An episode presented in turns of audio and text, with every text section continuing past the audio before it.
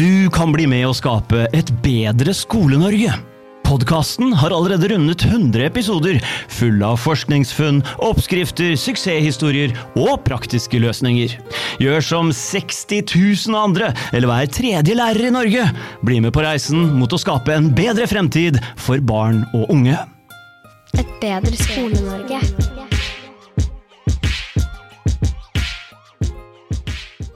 Et bedre Skole-Norge. Velkommen til Et bedre Skole-Norge. I dagens podcast-episode tar vi for oss hvordan man kan snu en skole med store utfordringer knyttet til elevatferd, vold og trusler. Vi har den store æren å ha med Susanne Nordmann som gjest i studio. Susanne, sammen med Lillemor Bergquist, tok på seg en formidabel oppgave med å snu utviklingen på Storvredsskolen i Botkyrka. Etter åtte måneder med dedikert arbeid hadde de gjort den tidligere beryktede skolen til en trygg og god læringsarena. Susanne deler med oss i dag hva som var nøkkelen til suksessen, og hvordan hun og lillemor møtte utfordringene de sto overfor. Det fins Inga umøyelige skoler, er navnet på boka deres, som også kommer 30. august, og den har hun skrevet med Lillemor Bergquist. Velkommen hit, eh, Susanne Nordmann. Tack så mycket. Eh, vi skulle selvfølgelig også hatt med Lillemor Bergquist, men hun kunne ikke være med. Men eh, du snakker for begge.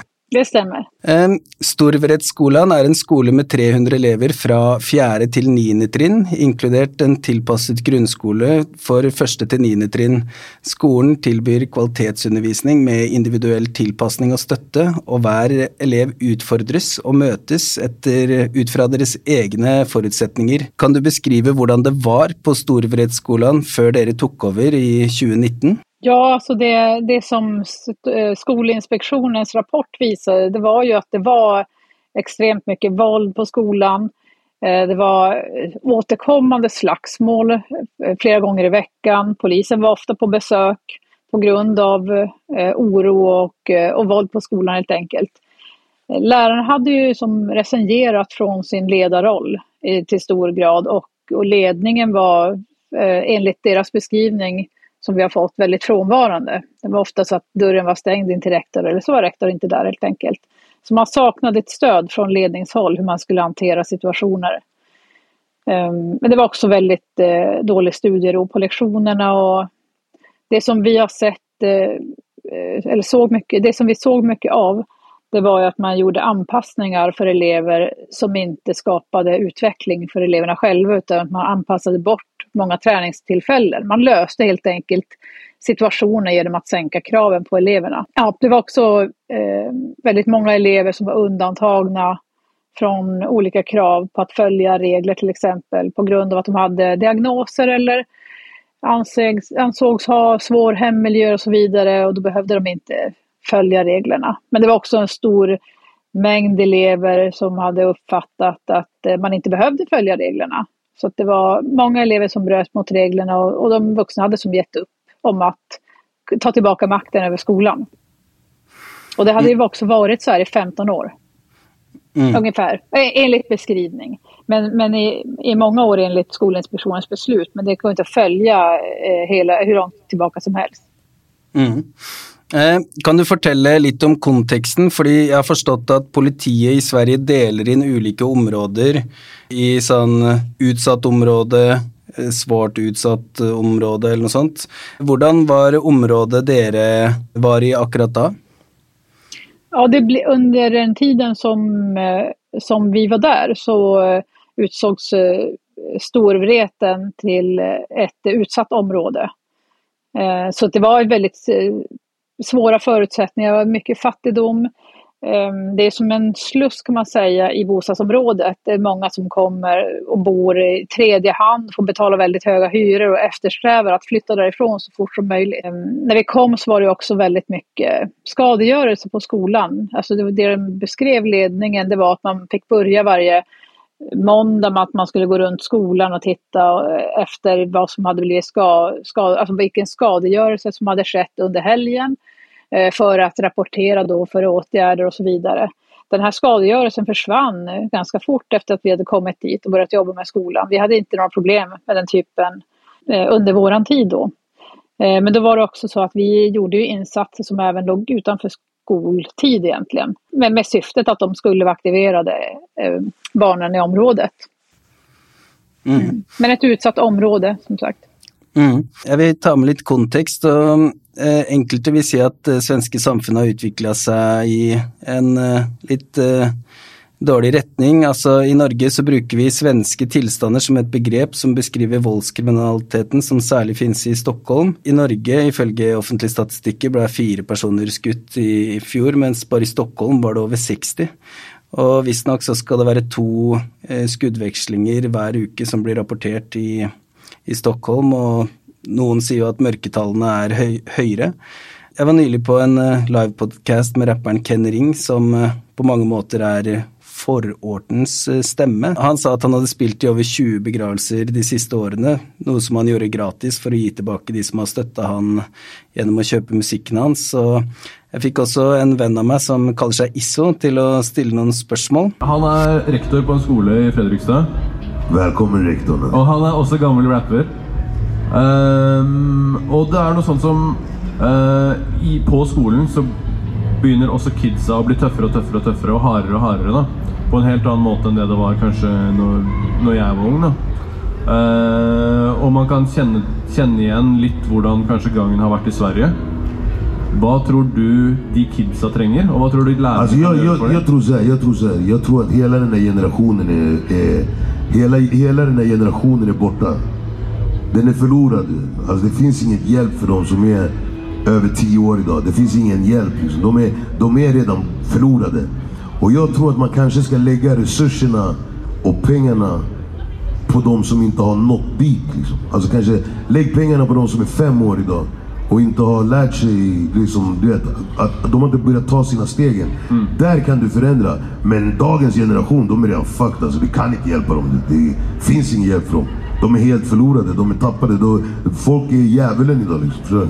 Ja. Och det Ken bland annat sa, det var att uh at dagens generasjon, som er opptatt av gjengkriminalitet og, og som eh, er dypt involvert i det, eh, han sa att det går ikke an å redde de. Vi må begynne med nästa generation. Vad tänker du när du hör det? Jag, jag, har har lyssnat lite på honom och, och kan säga att jag håller med så mycket av det han säger, men just det är ju något som både jag och Lillemor står bakom, att, att vi tror ju att det går att rädda den här generationen. Genom att eh, se till så att de får utbildning det är ju så att antingen så har de sin, den här kriminella karriären som de är inne i eller så måste vi ge ett alternativ där du också kan göra karriär eh, och komma vidare i livet och få tillgång till, kan man säga, en meningsfull eh, tillvaro. Och vi är ju övertygade om att vi med en skolgång kan rädda även de som är inne i kriminaliteten.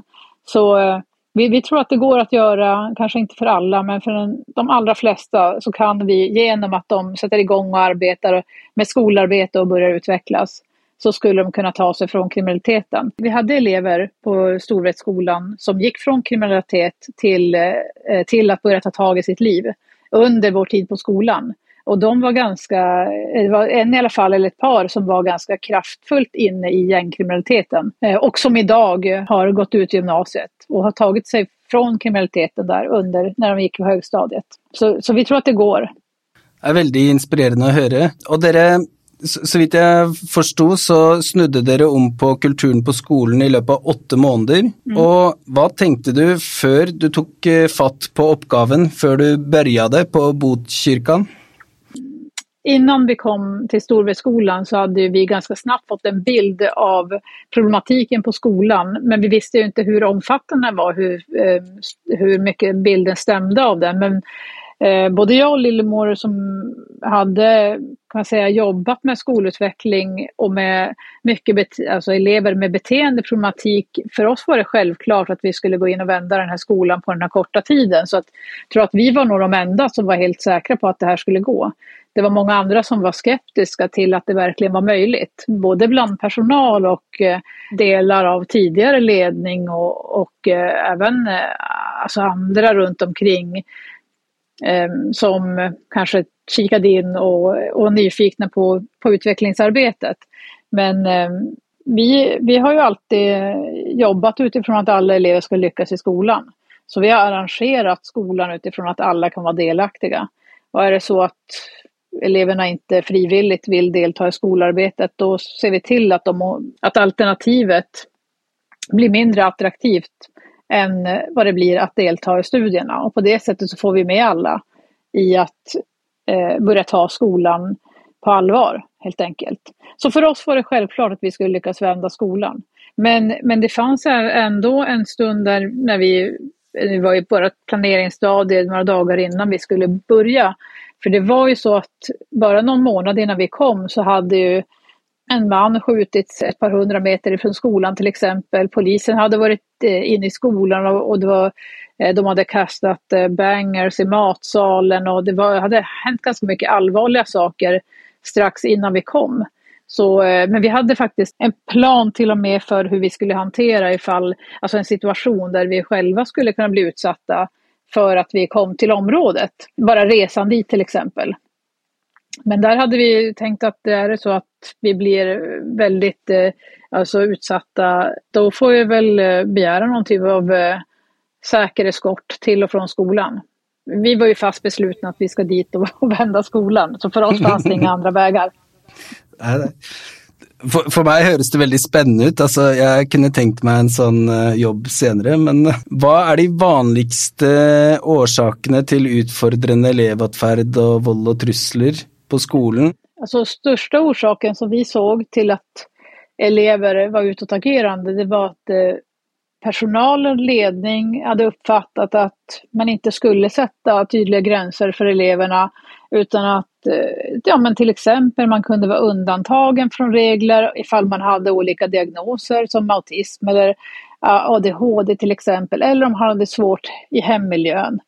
Eh, och då gällde inte riktigt reglerna för de eleverna. Så även om de hade kränkt någon så behövde de inte alltid be om ursäkt för det. Eller om de hade kanske förstört någonting eller eh, var otrevlig mot läraren så, så, så liksom ursäktade man dem och sa att ja, men han har ju så svårt hemma eller men han har ju ADHD och han, är inte, han har inte fått någon medicin och, och så vidare eller får inte medicin av sina föräldrar.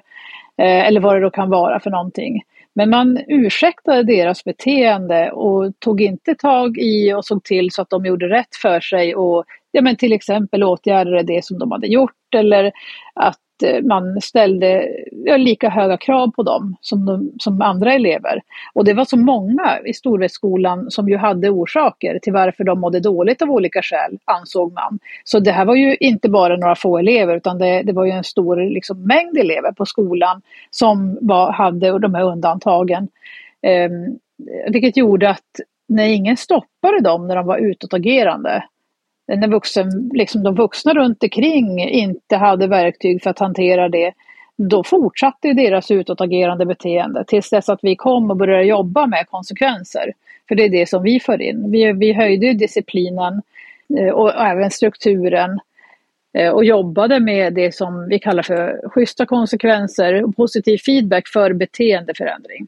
För de här eleverna som utövar våld i skolan, de måste lära om sig från att använda våld till att använda fungerande strategier som är fungerande i, samhället eh, i övrigt. Eh, och det är ju inte våld. Eh, så att det bör man lära sig redan tidigt. Och då har man ett bemötande som är, som är lugnt och trevligt. Före det begynte Involverte dere foreldre i arbeidet med å endre skolens kultur, eller gikk dere mer inn selv? Jeg lurer på hvordan dere gick fram? Ja, så nej, vi, eh, vi tror inte riktigt på det att, vi, alltså att eh, vårdnadshavare ska vara så involverade i det arbetet på det sättet, utan de ska mer ha information.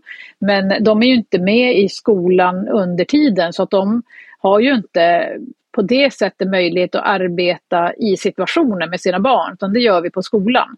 Så att eh, vår, alltså i vårt arbetssätt, då tar vi hand om konflikterna och ser till så att det Alltså så att, vi, så att eleverna följer våra regler och så vidare och så informerar vi bara vårdnadshavarna vad, hur vi arbetar. Men vi, vi, vi begär inte att de ska gå in och jobba själv med sina barn hemma eftersom de här barnen de har ju ofta en annan förklaring till kanske varför de gjorde på ett eller annat sätt. Och där blir föräldrarna i det läget väldigt handfallna. De vet ju inte egentligen vad som har hänt. De har ju inte all information. Så att där är det ganska lätt för de här eleverna att ja, berätta en annan version och då kan inte vårdnadshavarna göra mer.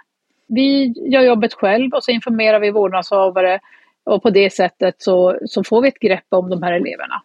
Det høres jo veldig mye enklere ut på mange måter, men jeg lurer på, kan du fortelle hvilke grep dere gjorde? Altså, hva gjorde dere først?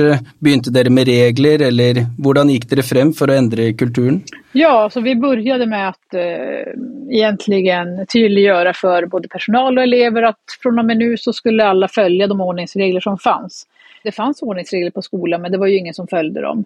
Och sen så tog vi tag i dem bara någon dag, e-, alltså efter att vi, några dagar efter att vi hade kommit och körde dem fullt ut och införde då konsekvenser om det var så att man inte följde ordningsreglerna så då fick man komma till möte hos oss rektorer efter skolans slut. Vilket gjorde att första dagarna så var det långa köer utanför våra, vårat rum på eftermiddagarna men ganska snabbt så var det så att de eleverna som bröt mot ordningsreglerna, de lärde sig att det inte var värt att stanna kvar på möte efter skolans slut när man kanske missade fotbollsträning eller umgås med sina kompisar på sin lediga tid. Så de valde att börja följa reglerna istället. Det, det var ordningsreglerna som vi tog tag i först och såg till att alla följde dem. Oavsett diagnoser eller oavsett bakgrund och så vidare så skulle alla följa de enkla ordningsreglerna som ändå fanns på skolan. Mm. Mm. Så bra. Ehm, det høres jo veldig fornuftig ut. Men var det noen som ikke møtte sitte Hvis dere sa til dem at de måtte sitte igjen og, og ha samtale, var det noen som fortsatt ikke kom? Ja, alltså det var ju någon som gjorde ett försök där. Alltså dels så var det ju elever som kanske försökte lämna skolan innan de skulle ha samtalet. Men då hade vi satt, vi hade ju elevassistenter på skolan när vi kom. Det fanns några stycken. Um, och de utbildade vi om till att börja jobba som coacher istället. Vi gör skillnad på elevassistenter och coacher genom att eh, som en elevassistent assistera en elev som har ett, eh, konstant funktion, en konstant funktionsnedsättning. Jämfört med en elevcoach, de coachar eleven eh, till, eh, till att utveckla förmågor som de kan utveckla genom mer träning. Så att vi utbildade om de här elevassistenterna till att jobba som coacher och de coacherna de placerades ut då vid varje eh, ytterdörr. Så att eh, alla elever som hade möte, de fick inte lämna skolan och då ställde sig bara coachen framför dörren och släppte inte ut eleven helt enkelt. Så det var enkelt. Så det var först när de hade fått en bekräftelse på att eleven hade haft sitt möte som de fick lämna skolan. Vid ett tillfälle var det en elev som i alla fall lyckades komma undan det här genom att kringgå det genom att eh, smita ut lite innan skolan slutade. Då. Eh, eller hade hämtat ut sina kläder innan. Så han, han lyckades i alla fall lämna skolan. Men eh, där var det en coach som han eh, sprang helt enkelt efter, han sprang ikapp honom och hämtade tillbaka honom till samtalet. Han, han, han, lämnade aldrig skolan utan att ta sina samtal efter det. Och det gjorde faktiskt ingen annan heller. Det, det, blev väldigt effektfullt när alla märkte att alla regler gällde alla och att vi inte lät någon slippa igenom det var det som blev, det blev som en ny kultur på skolan, att det här gick lite som rykte även i området om att hur liksom nitiska vi var på att se till att de här äh, mötena genomfördes. Mm. Um, vad var det nästa punkten efter att ni hade fått ordensreglementet till att fungera? Vad var nästa steg? Ja, då var det att eh, skapa kan man säga en trivsam miljö. Det började vi med kanske runt eh, vecka tre fyra någonstans, att det var ju väldigt kalt i skolan. Man hade ju, alltså, det hade blivit alltså, så att vad skolan än, alltså, vad de, oavsett hur de ställde i ordning så förstörde eleverna det. Eh, som man hade kanske byggt upp, eh, alltså om man satte upp tavlor så var det så att de eh, förstördes till exempel i korridoren. Eh, och eftersom det inte fanns några konsekvenser eh, som blev när man gjorde olika saker så fortsatte eleverna med det fram tills dess att vi började införa det här. Så när vi väl hade fått eleverna till att förstå att reglerna gäller för alla och är det så att du förstör någonting då får du återställa det. Och då, vilket gjorde att eh, efter det var steg två att skapa de här trivsamma miljöerna och eh, helt enkelt börja fånga upp och se över vilka elever som inte klarade av undervisningen i ordinarie undervisningsgrupp trots att lärarna började differentiera lär, eh, undervisningen. För det var ju också så att det var många elever av dem som vi eh, mötte i de här mötena som hade stora också svårigheter att förstå innehåll på lektionerna. De kunde ha språkliga svårigheter eller eh, hade mycket kunskapsluckor. Att de hade varit inaktiva i skolarbetet ibland i flera år. Och, eh, och de behövde få reparera sina kunskaper för att kunna komma ikapp eh, i en annan form. Så vi började bygga upp eh, det vi kallar för Studio 2, då, en särskild undervisningsgrupp där man helt enkelt går tillbaka till till där man var i skolarbetet, när man var aktiv senast i skolan och sen så jobbar man med komprimerad, komprimerat material för att reparera de här kunskapsluckorna. På så sätt så kommer man ikapp, man utvecklar förmågorna i en snabbare takt och man kommer ikapp i innehållet för undervisningen och kan till slut gå tillbaka ut i ordinarie undervisning. Så det var steg två egentligen, alltså börja jobba väldigt tydligt med studieron och eh, det särskilda stödet för att bygga den här studieron. Och även då ska jag säga att skapa ordning i klassrummen. Att även de, alltså att vi justerade klassrumsreglerna för elever som till exempel kom sent eller som störde, stör, förstörde studieron. Där organiserade vi en eh, parallell verksamhet kan man säga som gjorde att eh, om man inte kunde vara kvar i klassrummet så då gick man iväg till det vi kallar för studierummet där man fick göra arbetet istället. Vad var steg tre då?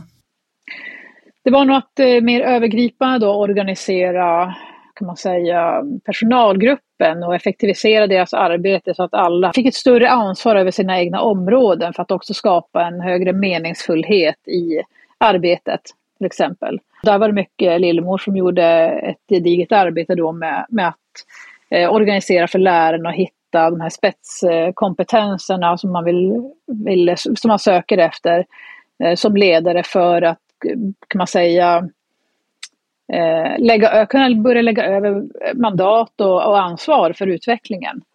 Eh, så mycket arbete med personalgruppen ska jag säga och också få med dem i eh, den, kan man säga, eh, att få, få med dem att förstå det lika behandlingsarbetet som behöver pågå. Eh, i skolan, få dem att förstå det på ett djupare sätt för att kunna i de här dagliga situationerna eh, sprida kunskapen vidare till eleverna och även förväntan. Mm, vad var steg fyra då? Ja, de kom, ja, man skulle kunna säga så att de inte, att de inte blir så där uh, exakt stegvis utan de här uh, rör ju sig inom varandra kan man säga hela tiden. Men ganska parallellt med det så var det att vi, vi implementerade ju direkt och det ett Eh, ett dokument som Lillemor har jobbat med och tagit fram ganska länge, flera, flera år innan jag kom in och började jobba med henne. Men eh, ett veckoblad som är väldigt gediget och förmedlar alltså så mycket information så att personalen eh, blir mer och mer självständiga. Alltså de får så mycket information och de blir trygga i alla beslut som gör att de vet vart de ska hitta information till exempel och, och det blir det blir väldigt, det blir en väldigt självgående personalgrupp. Eh, så det implementerar vi direkt. Så det var väl kanske där kring det vi började jobba med personalen, att också få dem att ta del av den här eh, informationskanalen och börja förstå hur de skulle använda sig av den för, för att kunna förstå all den här förändringen som skedde eh, i skolan. Och alltså på, ett, på ett djupare plan för att kunna bli bärare själva helt enkelt. Så det var väl där, om man ska titta på det som är lite mixad steg 3-4 då. Var det något mer efter det? Ja, det som vi jobbade kanske med hela tiden, det är ju att vi alltså jobbar med att när vi, samtidigt som vi sätter gränser och visar på en tydlighet att det gäller för alla, så har vi successivt hela tiden belönat både personal och elever för deras framgångar, för deras eh, engagemang i att eh, delta i det här på olika sätt, alltså genom att till exempel vi ställde i ordning ett ele en elevkafeteria eh, som, där, ja, som, där de skulle kunna helt enkelt både spara energi och, och kunna umgås på ett mer lugnt och trivsamt sätt under rasterna till exempel. Vi ställde i ordning det eh, här biblioteket eh, väldigt, kan man säga, på ett sätt som kanske är mer trivsamt än vad det normalt sett är i en skola. Så vi tittar mycket på inredningen, hur vi inreder och, eh, och att skapa liksom harmoniska miljöer i skolan. Eh, och att det ska vara fint och trivsamt, eh, inte att det ska vara kalt liksom, på det sätt som det var när vi kom. Eh, så att belöna helt enkelt eh, person, både personal och elever regelbundet för att skapa en, en energi i personalgruppen och också att fylla på elevernas energi allt eftersom. Men också att eh, ja, som sagt visa uppskattning för att de är med och vill hjälpa till i det här. Ehm, det vi också gjorde det var att vi införde en konflikthanteringsmodell som har tagits fram i vårt tidigare arbete. Som alltid slutar med att eleverna ber om ursäkt till varandra för de kränkningar som de har utsatt varandra för. Och även elever mot personal och även såklart personal mot elever när det sker. Men eh, den implementerade vi ganska, eh, ja, efter kan man säga, eh, kanske tre, fyra veckor på skolan. Eh, och det, den ger också resultatet att konflikterna minskar. För eleverna minskar antalet kränkningar mot varandra när de behöver börja be om ursäkt. Det, det, låter kanske också lite märkligt att den här ursäkten skulle ge så stor effekt, men det gör den faktiskt. Mm. Mm. Men jeg lurer på, eh, heter den, eh, heter den eh, modellen noe spesielt, eller var det noe dere lagde, eller hvordan Nej, var det? Nu, den hette inte något speciellt då, men alltså den, eller jag har tagit fram den utifrån en begäran från en, från en eh, friskola som vill att jag ska komma och föreläsa om det. Och den föreläsningen heter Effektiv konflikthantering, men just nu har den inte något direkt namn, men det är ju en en modell. Så jag håller på att sätta namnet och det är samma sak med, med vårt eh, förhållningssätt. Nu har vi namngett förhållningssättet som vi för in i arbetet med framförallt de svåraste eleverna som det, det, ofta handlar om i de här situationerna. Så att vi, vi benämner det som målaffektivt bemötande och det handlar om att man använder en tydlighet i, i sitt ledarskap. Um, man, det handlar om att man justerar tydligen sitt ledarskap tills dess att eleven lyckas i en situation, väldigt kortfattat då. Eh, en beskrivning av målfokuserat bemötande. Eh, men sen så har vi också, i det förhållningssättet så ingår det att vi jobbar med ett anpassat ledarskap och det har att göra med hela tiden det här med att man anpassar ledarskapet utifrån elevens behov. Så att vissa elever har ju inte behov av så hög tydlighet i den vuxnas ledarskap medan andra elever har behov av högre tydlighet. Och då behöver man anpassa det utifrån varje enskild elev. Så man kan inte liksom ha samma ledarskap för alla utan då, då, då sker det inte en utveckling.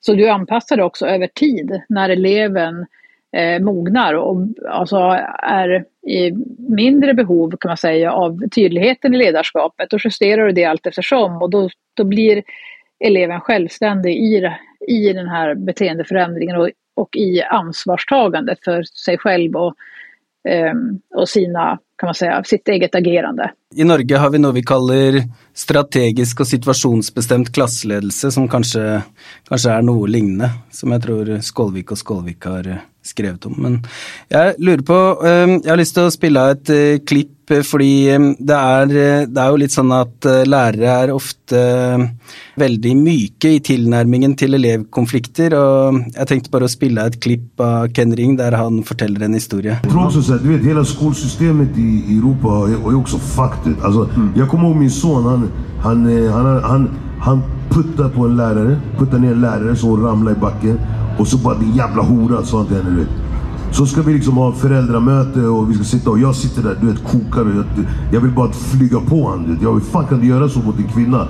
Då säger lärarna bara, vad kände du när du gjorde det där?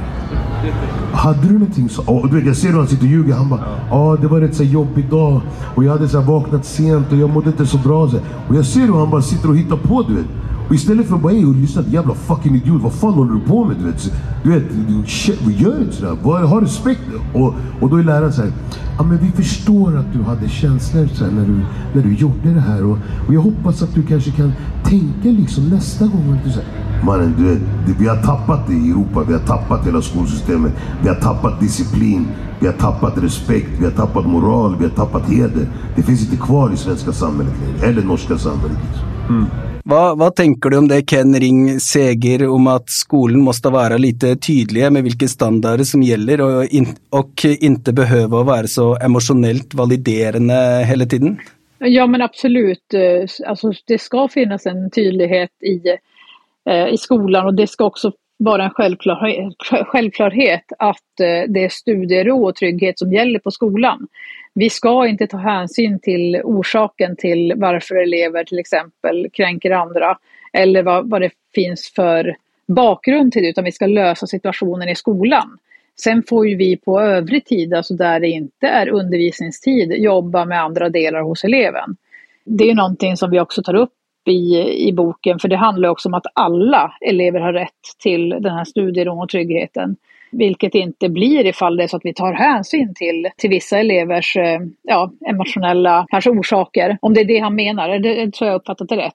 Eh, vi pratar ju också om eh, de strategismarta barnen i de här sammanhangen. Men jag vet inte om det kommer, kommer vi komma in någonting på, ta lite eh, avsides då, kommer vi komma in någonting på lågaffektivt bemötande? Ja. Det var det jag tänkte spørre om nå, för i Sverige så virker det som metoden lågaffektivt bemötande är utbrett. På norsk så ville vi nog kallat det för något sånt som lavaffektiv tillnärmning, som Eh, som kort fortalt er en eh, tilnærming i pedagogikk og psykologi som involverer å møte utfordrende atferd med en rolig og avslappa respons, litt som vi hørte i klippet i stad, tenker jeg. Og da er tanken å redusere konflikter, at i stedet for å være streng og tydelig, så kanskje man sier 'Å, hvorfor slo du der?' og at man er veldig Er det riktig forståelse at laveffektiv, lågaffektivt bemøtende er, er en veldig är det en lite sån typ tillnärmning? Ja, alltså det, det skulle jag också säga att det var ju ett av problemen faktiskt på Storvretskolan att enligt personalen så hade man infört ett lågaffektivt bemötande och det var ju en av orsakerna till varför man inte satte gränser för de här, bland annat de här eleverna som hade diagnoser. För det hade man ju uppfattat av förhållningssättet att, att, att de fick man inte säga till för då kunde de ju bli, bli frustrerade och arga och få utbrott och om de fick utbrott så då fick man inte ta i eleven, man fick inte mot elevens vilja leda ut den ur klassrummet även om den började kasta saker, för det hade man också uppfattat i, i den här utbildningen då som de hade haft. Eh, vilket eh, gjorde ju att eh, eh, arbetsmiljö var ju katastrofal när vi kom. För det var ju hela eh, vuxna personalgruppen som hade resignerat i de här situationerna och då, eh, det, det ledde ju till att eleverna tog över makten.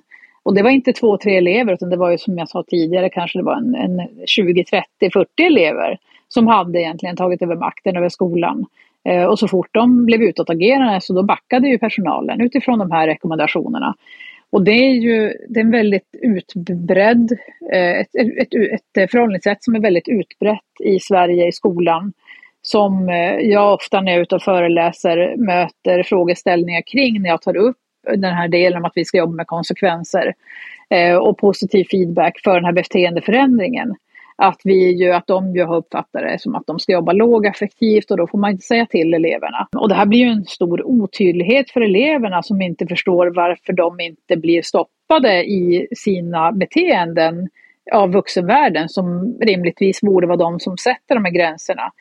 Och eh, det är också så här att eh, det som vi pratar om då, så att eh, de, jag har alltså försökt fördjupa mig lite grann i just det här med missuppfattningar, för det är många som säger att det är missuppfattningar kring det lågaffektiva bemötandet och att det visst fungerar ifall man gör på rätt sätt. Men det som jag har hittat och som vi också tar upp i vår bok, det är ju att, eh, att det lågaffektiva bemötande av det som jag har funnit det är att det är ju ett förhållningssätt som är, som är framtaget för personer med eh, en kraftfull autismdiagnos i kombination med en intellektuell funktionsnedsättning till exempel. Och den typen av kraftfull autism och, eh, eller också i kombination med någon, den, den här mer kraftfulla intellektuella funktionsnedsättningen de eleverna möter inte vi i den svenska grundskolan. De är redan kan man säga, omhändertagna i det vi kallar för anpassad grundskola, det som tidigare kallades för särskolan. Så att de eleverna träffar vi inte i de här sammanhangen och det är inte heller elever som som trotsar och som ifrågasätter vuxenvärlden och därför får utbrott för att de inte får igenom sin vilja. Utan det, det är ju det är elever som ofta kanske har svårt eh, med att eh, kunna prata till exempel och uttrycka verbalt vad de känner och, och har för behov. Men de eleverna har ju vi inte i grundskolan. I, i den ordinarie grundskolan. Så vi ska ju inte bemöta dem utifrån att de inte har förmågan att förändra beteende och det är precis det som då de här förespråkarna för det lågaffektiva förhållningssättet förespråkar, att vi ska sänka kraven i olika situationer. Vilket gör att då får de här eleverna som har, som vi kallar för de strategismarta eleverna, eller de strategismarta barnen, som upptäcker att om de använder sig till exempel av våld i en situation och så ger det en, en effekt som de trivs med. Alltså om det är så att de inte gillar att räkna matte och så får de ett utbrott och kastar boken i klassrummet och, och då får de fortsätta kasta böcker där eller möbler eller vad det kan vara och alla andra får gå ut från klassrummet och så blev det ingen matte den lektionen. Faktiskt inte för någon. Då fortsätter de med det agerandet tills dess att någon säger stopp. Vilket ju inte man gör utifrån då det här Eh, lågaffektiva förhållningssättet. Så det som vi har delat upp det i istället för att hjälpa Skolsverige att sortera upp de här olika begreppen, det är att vi gör skillnad på det här lågaffektiva bemötandet som då kommer från den här engelska eh, forskaren ursprungligen som man använder på, dem, på elever då med, med som sagt kraftfull autism och, och eh, intellektuell funktionsnedsättning kontra att vi pratar om att man kan agera lågaffektivt. För det, stå, det, det gör vi också i det här förhållningssättet som vi, som vi då kallar för, då är man lugn alltid när man sätter gränser. Man höjer aldrig rösten, man är aldrig arg på elever, man är inte irriterad, man är inte ledsen, man är ingenting. Utan man bara är lugn och tydlig och konsekvent som vuxen. Och det är att agera lågaffektivt. Men det är inte samma sak som Eh, att eh, använda sig av det lågaffektiva bemötandet, för det är en metod för de här andra eleverna. I norsk skola så ser vi en ökning med, i saker med våld och trusler. Bara i fjol så var det runt eh, 21 000 avviksmeldinger i de 20 största kommunerna. Og lærere rapporterte om psykisk og fysisk vold, krenkelser, kvelertak, slag, spytting. Vi er jo de voksne her, og vi har lest forskning, vi har erfaring. Vi har et oppdrag knyttet til å skape muligheter slik at alle barn og unge kan lykkes. Det kommer jo ganske fram av, av hva du sier. Altså, du har jo erfaring med det her òg. Du, du og lillemor gikk inn i en veldig utfordrende skole og klarte å snu det på åtte måneder. Hva mener du rektorer og lærere må gjøre for å møte utfordringer i skolesystemet? Ja, så eh, de behöver ta tillbaka makten eh, från, eh, från de här eleverna.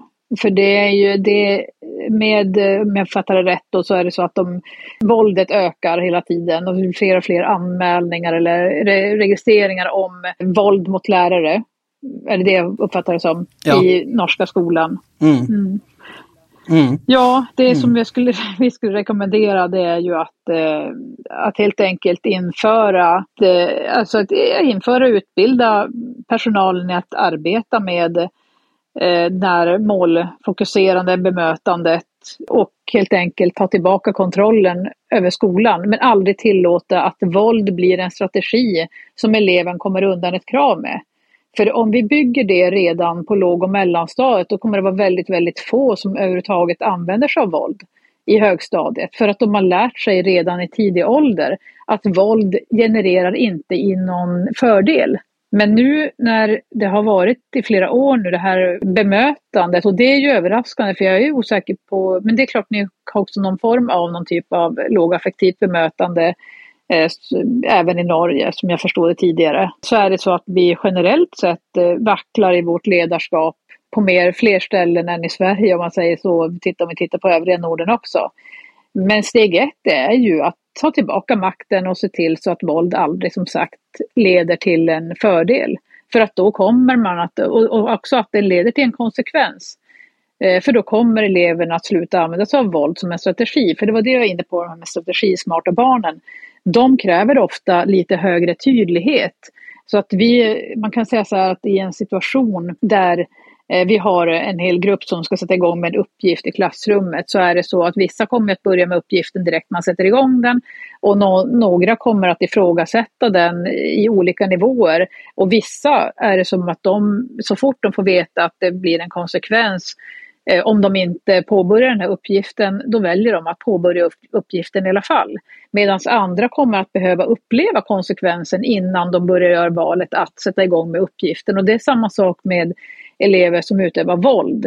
Om det är så att de en eller två gånger kan utöva våld i, även om det är i mildare form, mot läraren utan, eller, eller annan skolpersonal, utan att till exempel be om ursäkt, utan att eh, sitta kvar liksom, i ett möte och ta fram en lösning som inte innehåller våld, så kommer de att fortsätta med det. Så vi måste ju väldigt tidig ålder börja jobba med att lära eleverna strategier som inte innehåller våld Alltså att vi genom att resonera och förtydliga vad vi, vad vi vill och genom att skicka signaler på olika sätt så kan vi nå fram till en annan lösning. Och bygger vi det här hos eleverna genom det sättet som vi egentligen förespråkar då i det här målfokuserade bemötandet, då bygger vi ansvaret hos eleven. Jag vet inte heller hur det ser ut hos er, men här i Sverige så är det enda som jag har sett nu, det är en extrem ökning av eh, elevassistenter som, precis som de gjorde på Storvretskolan när vi kom, gick runt och vaktade de här barnen. Det var inte så att de hindrade barnen heller från att vara ute och agera, utan de bara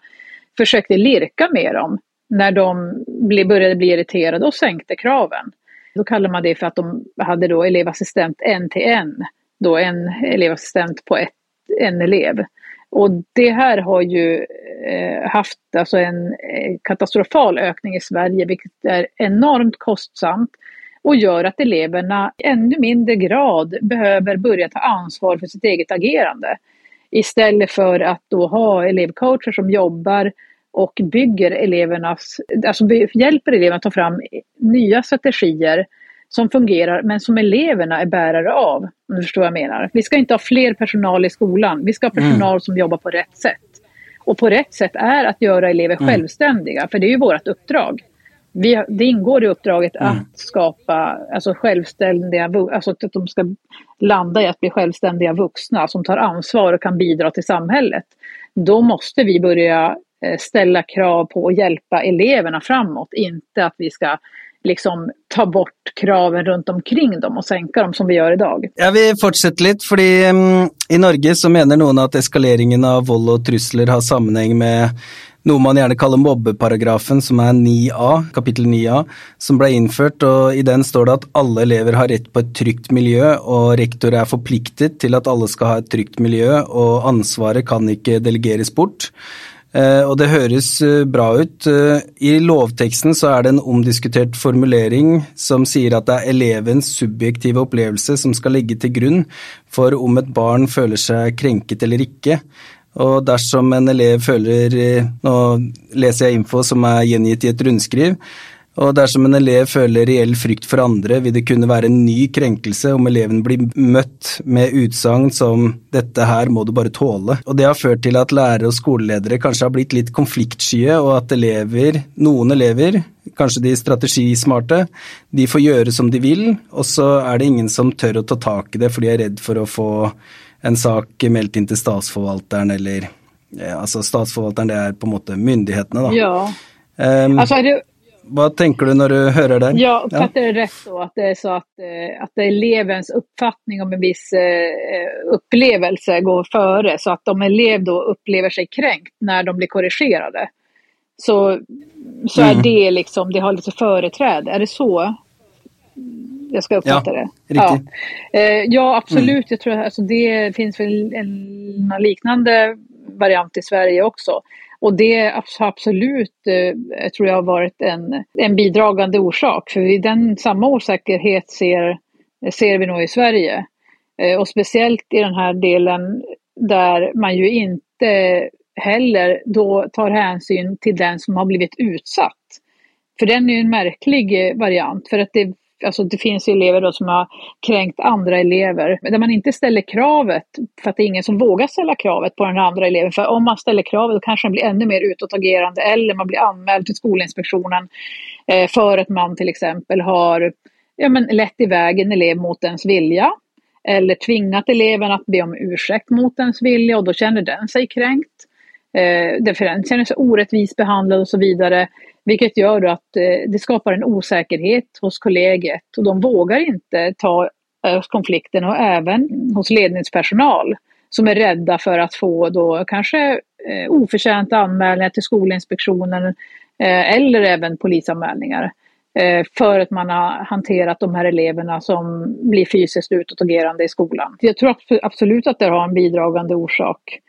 Och den, alltså där, där måste vi ju Eh, som sätta i relation att det är inte alltid som en elev som uttrycker att den är kränkt, att den egentligen blir kränkt, utan en elev kan ju uppleva det kränkande att bli alltså ledd mot deras vilja från klassrummet eller från en annan situation i skolan där den visar på utåtagerande beteende. Inför kompisar till exempel så tappar den ju lite grann, alltså de här klasskompisarna ser att den inte har makten längre.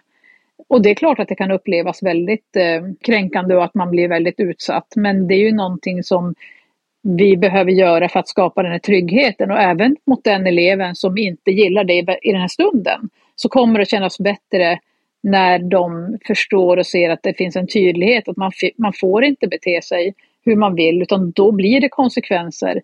Men som jag sa tidigare så den som leder ut eller den som hanterar en elev som är utåtagerande ska själv alltid vara lugn. Om man är det så kommer man aldrig att ta lite för hårt. Man kommer aldrig att rycka eller dra eleven. Man kommer inte att höja rösten. För man är lugn hela tiden och då är det inte en kränkning även om det är så att man upplever det kränkande. För, för grunden behöver ju vara att alla måste kunna följa reglerna. För att om det är så att vi börjar, kan man säga, nagga på den delen, då kommer otryggheten att bli för andra elever och det sker i ganska många situationer idag i skolan. Ehm, jag menar till exempel andra elever som sitter i samma klassrum som en elev som blir utåtagerande eh, är ju inte trygga i den situationen. De vet inte om de kommer få en bok i huvudet eller en, en eh, stol över sig nästa sekund när eleven börjar agera ut. Så att vi, den delen behöver vi ta tillbaka. Det hörs kanske ut som att kränkelse är ett vitt begrepp, eh, eller ofta blir tolkat för vitt, men att det att bli kränkad det skal ganske mye til, slik jeg skjønner det. Altså, det er jo først og fremst ment for å beskytte elever mot mobbing, og det å sette tydelige grenser som en voksen person, det skal ikke oppfattes som en eh, kränkande handling. Kränkelse är nog mer än att bli satt gränser för. Ja, alltså jag skulle eh, säga så här att det finns ju situationer där vuxna också eh, sätter gränser på ett sätt som blir kränkande och det är det som vi ska bort ifrån. Om man gör det i ett tidigt skede och är lugn och, är konsekvent i sitt eh, gränssättningsarbete, då behöver man aldrig hamna i det läget då man själv börjar bli irriterad. För då har man redan gjort åtgärderna så man kommer aldrig dit man behöver höja rösten eller skrika eller, eller kalla någon för någonting och så vidare. För det är just annars det som jag tänker, det är, det är kränkande. Men så behöver vi vuxna inte bete oss ifall vi är trygga i vår gränssättning och jobbar i ett tidigt skede. Alltså, vi tar de små konflikterna istället för att låta det bli till stora konflikter. Och när eleverna känner att till exempel att de om de kastar en papperslapp, de ska städa bort efter sig på, mm, efter lektionen och sen så kastar de en papperslapp och den far på sidan om papperskorgen. Och de ser det här men de väljer att inte plocka upp det. Om den vuxna då tar den konflikten och säger att eh, du får plocka upp det, ditt papper får på sidan om så du får plocka upp det och sätta i papperskorgen. Och sen så ser vi att det här är en elev då som börjar bli frustrerad och den börjar liksom bete sig eh, utåtagerande och börjar få ett utbrott. Så om vi står kvar vid det kravet och, och inte låter dem komma undan det här, eh, den här pappersupplockningen trots att de börjar skrika och vill kasta saker och så vidare. Utan vi helt enkelt håller dem tills de har blivit lugna och sen så fortsätter vi kräva att pappret ska plockas upp eh, tills dess att det är gjort. Då kommer den eleven att känna att vi vuxna, vi står fast vid det vi säger. Vi ändrar oss inte i beteendet bara för att man, man tar till det här våldet. Och då kommer den eleven, den kommer inte att fortsätta bete sig utåtagerande och göra större och större saker tills någon säger stopp. Men om vi inte gör det så är det nästa gång som den här eleven, först så provar den att kasta, eller provar den att låta bli att plocka upp pappret utanför papperskorgen. Nästa gång så, så välter den en stol när den går ut för att den är irriterad. Tredje gången då kastar den iväg en bok mot lärarens bord. Alltså, det här beteendet eskalerar ju ifall vi inte tar de där små konflikterna. Så tar vi små konflikterna och gärna redan på lågstadiet och gärna även på förskolan, då kommer de inte att komma och ha det beteendet i som befäst form när de kommer upp i mellanstadiet och högstadiet. För det har vi redan tagit hand om i tidigt skede. Vad slags träning och stötte tränger lärare för att för att exempel bli god på det du kallar för målfokuserat eh, bemötande? Jag tror inte att det behövs så mycket träning egentligen utan det handlar väl om att eh, ledningen, alltså att till, säkerställa att eh, ledningen i skolan, alltså all led, alla kan man säga, från även rektor till biträdande rektor och så vidare, alla som är med i ledningsgruppen och framförallt rektor då har en, en ledarskapsfilosofi eh, som har, eh, alltså där man har ett, själv ett stabilt och lugnt eh, och jobbar själv med ett, ett, ett, ett förhållningssätt. Ett stabilt och lugnt förhållningssätt och själv har ett anpassat ledarskap så att man kan stötta de här lärarna i, i att eh, helt enkelt eh, våga ta de här konflikterna och också finnas där som en stabil grund om det är så att man blir ifrågasatt till exempel av vårdnadshavare eller av, eh, av andra myndigheter. Att helt enkelt vara lärarnas trygghet i det här, att de känner att de får, alltså, alltså jag ska säga att förarens lärarens trygghet och också förmedla verktyg till dem så att de kan lösa alla situationer. Så de inte lämnas ensamma i de här gränssättningssituationerna att de alltid vet om att så länge de agerar lugnt och tydligt och konsekvent i alla situationer så gör de inte fel, även då när de behöver eh, leda ut elever från klassrummet till exempel. Utan det är det enda som är viktigt, att de håller sig lugna och konsekventa och tydliga. Men också, ska jag säga, Eh, anställa eh, rektorer eh, som också har en hög transparens eh, i sitt arbete och en tillit till medarbetarna, att alla medarbetare kan i slut alltså, kan landa ett, stå på egna ben och klara situationer och lita på deras beskrivningar av situationer, inte ifrågasätta och kontrollera dem. För då skapar man en trygg personalgrupp som vet om att de vågar agera i situationerna. För det är också en viktig del, att de inte står där handfallna och tror att de måste gå till rektor och fråga vad de ska göra, utan man måste bygga självständiga personalgrupper. Annars så skulle jag säga att det är ganska eh, enkelt, alltså eh, genom en, jag skulle säga, genom en ganska kort föreläsning så får man de grundverktygen som man behöver i det här förhållningssättet. Det tar inte mer, alltså den föreläsning som jag har och som heter Det finns inga omöjliga elever, den tar två timmar. Med den som mm. grund så, så, behövs det inte så mycket mer. Ett annat sätt kommer att kunna vara att, eh, att bara den boken som vi kom med, där kommer att finnas en del, alltså ganska mycket i förhållningssättet. Men det är inte så svårt att ta till sig, för det, som du sa där tidigare, det, ganska, det låter som naturligt och självklart. Och det är det ju också. Det här är ju det är ingen, mm. det är ingen som extraordinärt, utan mm. kanske gå tillbaka lite grann, ta tillbaka ledarskapet, eh, men gör det på ett lite bättre sätt. Alltså det ska, vi ska inte gå tillbaka till 40-talet och ha kvarsittningar där man fick sitta och, och, och, skriva samma sak om och igen 40 gånger för att man ska sluta med någonting. Det är inte dit vi ska. Utan vi ska möta eleverna, eh, vi ska sätta oss och hålla en disciplin, ordning och reda så att alla får studiero och trygghet i skolan och en bra arbetsmiljö. Och det får vi ju genom att vi sätter gränser eh, och vi förhåller oss till olika elevers behov av den här eh, tydligheten i gränssättningen. Men, och samtidigt så ser vi till att vi möter elevernas behov så att vi inte har elever i klassrummet som eh, sitter och inte förstår innehållet i undervisningen för då kommer det att skapa en oro i klassrummet. Eh, och det, de där behöver vi fånga upp och samtidigt som vi då parallellt med det ser till att ha ett särskilt stöd som tränar och, och, även anpassningar som tränar eleverna vidare i det som de tycker är jobbigt och svårt, inte som anpassar bort det som är jobbigt och svårt. Det är ganska många lärare som hör på nu. Är det något annat du tänker är viktigt att säga när du, när du först är här? Ja, det är aldrig så att elever beter sig på grund av vårdnadshavares uppfostran i grunden när de beter sig i skolan. Det är vårt arbete att kompensera för dem. Så att om det är så att man sitter och lägger mycket tid på att diskutera den här, alla, alltså de här elevernas olika bakgrund och hemmiljö så är det helt bortkastad tid. Utan titta istället på vad behöver vi ha för ledarskap för att möta den här eleven utifrån den elevens beteende för att den ska kunna lyckas i skolan. För att det är egentligen det som är viktigt.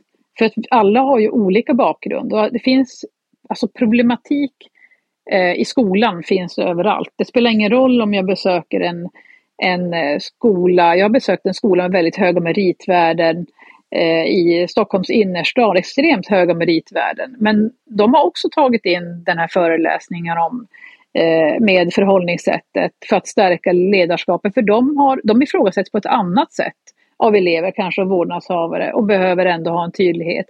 Så det är aldrig som att, vi kan som aldrig, eh, eller det är, ingen, det är inte meningsfullt att eh, se över vart allting kommer ifrån utan istället jobba med vad vi behöver göra med att, för att vi ska säkerställa studier och trygghet på vår egen skola och en meningsfull och trivsam arbetsmiljö för alla. En sak till som vi skulle vilja skicka med, det är att man ska se skolan som en fristad.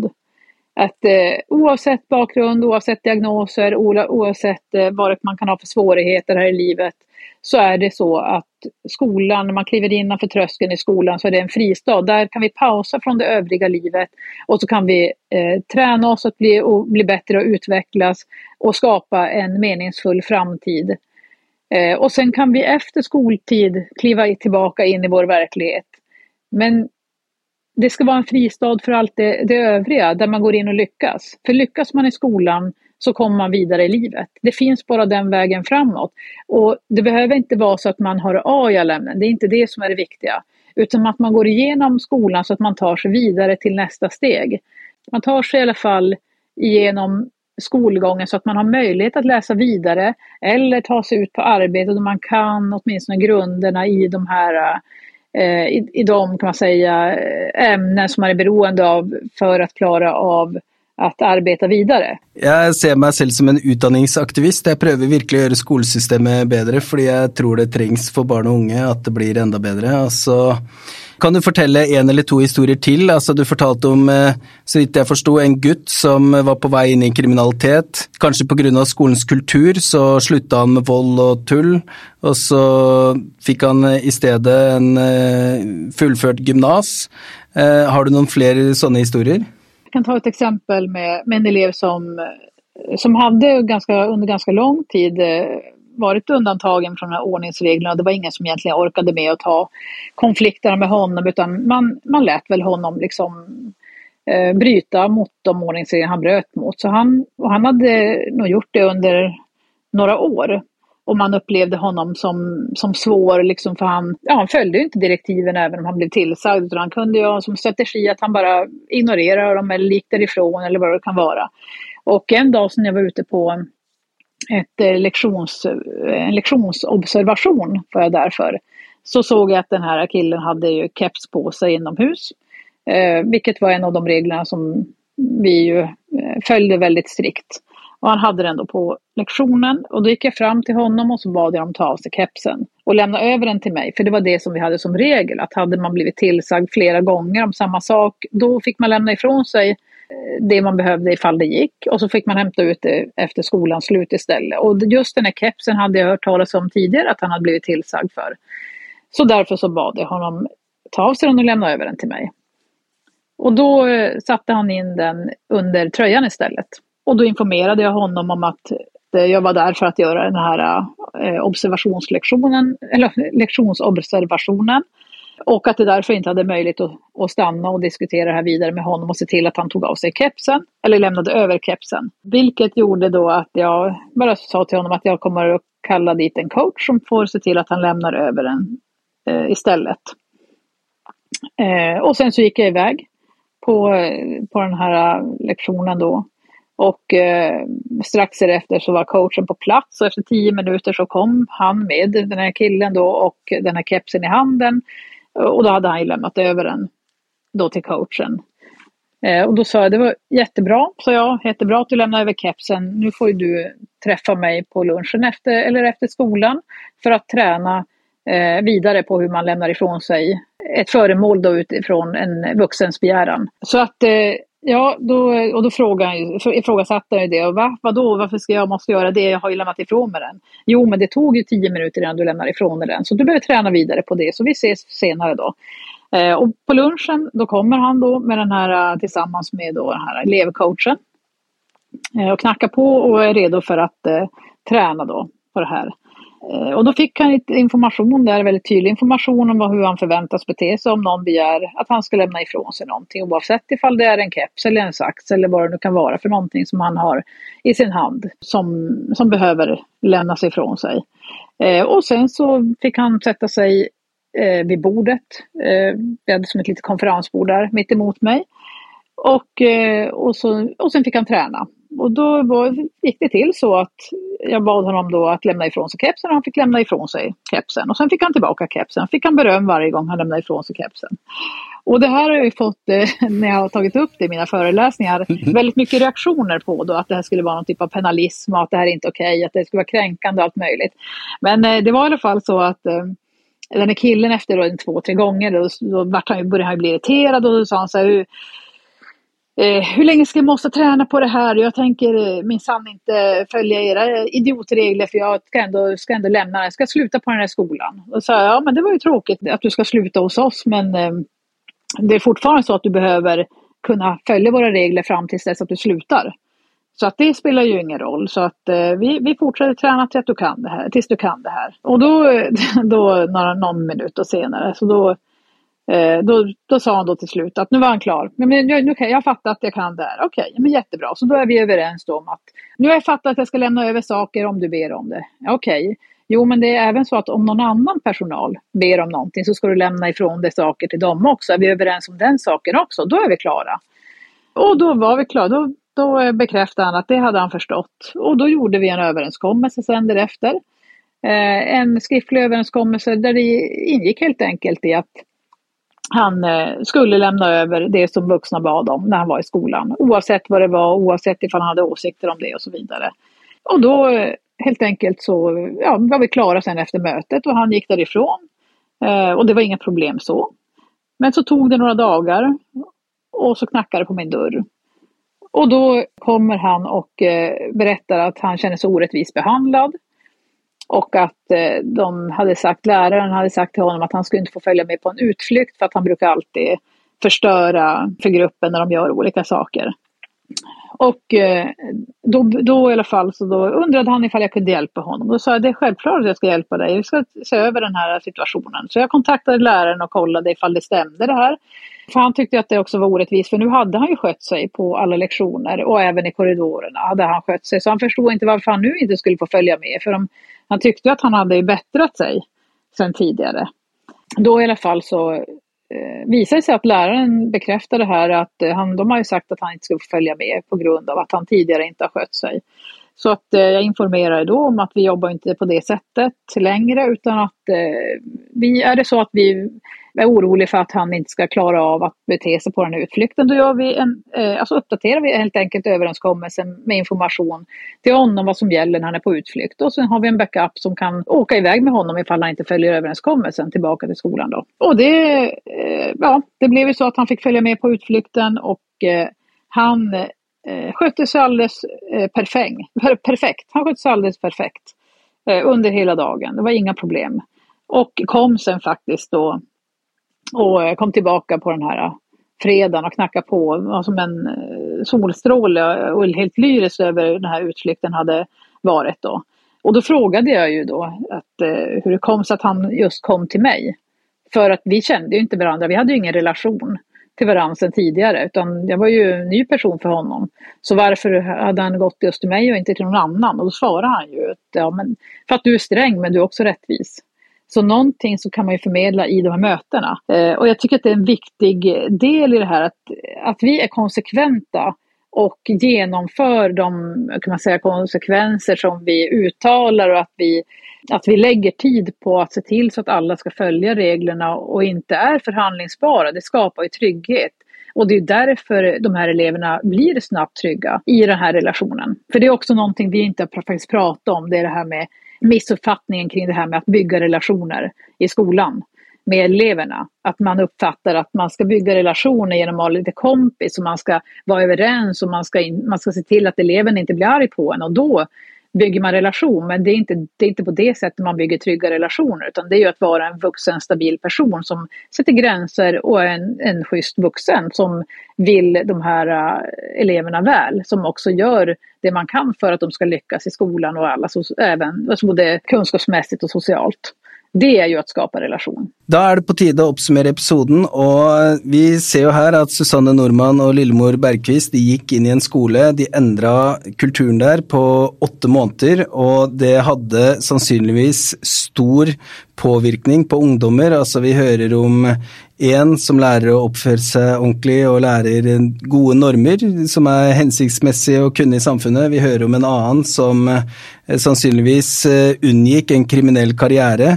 Så det er helt utrolig hvor stor forskjell vi egentlig kan gjøre hvis vi er på riktig plass og vi gjør de riktige tingene for ungdomarna. ungdommene. Jeg vil anbefale alle om å kjøpe boka til eh, Susanne og Lillemor, som kommer nå i slutten av august som heter eh, Det finnes ingen umulige skoler. Eh, og slik jeg har forstått det nå i denne episoden, så er det sånn at eh, det første man må gjøre, det er å avklare forventningene og være tydelig på hvordan man skal ha det på skolen. Eh, det kan også være klokt å tenke noen skritt fram, slik at man har en konflikthåndteringsmodell, sånn at man vet hvordan man skal håndtere konfliktene som kommer. Det er også viktig å gi positiv feedback, skape et støttende miljø. Man må skape studiero, sånn at eh, det er trygt og godt å være på leksjonene, og at man eh, kan lære ting. Hvis det er sånn at noen elever mangler kunnskaper og ferdigheter, så er det klokt å skape en slags oppfølgingsplan hvor de kan eh, forcera, forsere, altså hvor de kan ta igjen tapt læremateriale som de burde kunne. Når man har studieroa på plass, så er det viktig å kjøre god høykvalitetsundervisning og så er det klokt å strukturere organisasjonen på en slik måte at organisasjonen og lærerne blir i stor grad selvgående. Det, det, handler om å skape tydelighet i organisasjonen også. Hva gjør man hvis det skjer, hvem skal gjøre hva? Michael Fullen kaller det for å bygge kapasitet, hvis jeg skjønner det riktig. Sånn at det er, det er et klokt neste steg. Så er det også viktig, når både struktur, tydelighet og avklarte forventninger er på plass, så kan det være klokt å ha noen slags belønningssystemer, at man f.eks. skaper noen harmoniske miljøer, at man viser at det også skal være godt å være på skolen. Helt konkret så er det, det er noen elever som alltid vil prøve å presse grenser litt og sånn. De blir omtalt her som strategismarte barn. De må lære seg at vold ikke gir en fordel, men at det får en konsekvens. Og Det er viktig at vi tar tilbake makta, og det kan vi bl.a. gjøre med det Eh, Susanne kaller for målfokusert bemøtende. Eh, å møte de og ha en klart mål for hvordan man møter de. Og så må man tilpasse lederskapet sitt ut fra hva som trengs i situasjonen, altså ha en situasjonsbestemt ledelse hvor man blir tydelig, mer og mer tydelig jo mer eleven trenger tydelighet, og kan slippe opp hvis, eh, hvis det også Hvis eleven takler mindre tydelighet, da. Ok, tusen takk for at du kom, Susanne. Jeg er supertakknemlig. Jeg sier alltid til lytterne at de må bli med å gjøre Skole-Norge bedre, og nå er du til og med. Nå har vi til og med med en svensk rektor som blir med å gjøre Skole-Norge bedre, så tusen takk for at du blei med. Vi gleder oss til å lese boka di, og du og lillemor driver også noe som heter Skolkonsulterne eh, hvor man kan booke dere inn for foredrag. Så det er min podkast, så jeg kan ta reklame hvis jeg vil. Så mm. Da har folk fått et tips om det også? Eh, det stemmer som du sier, at det er eh, skolkonsulterna formidler jo eh, denne informasjonen. Vi verker jo over hele landet. Vi kan komme til Norge også.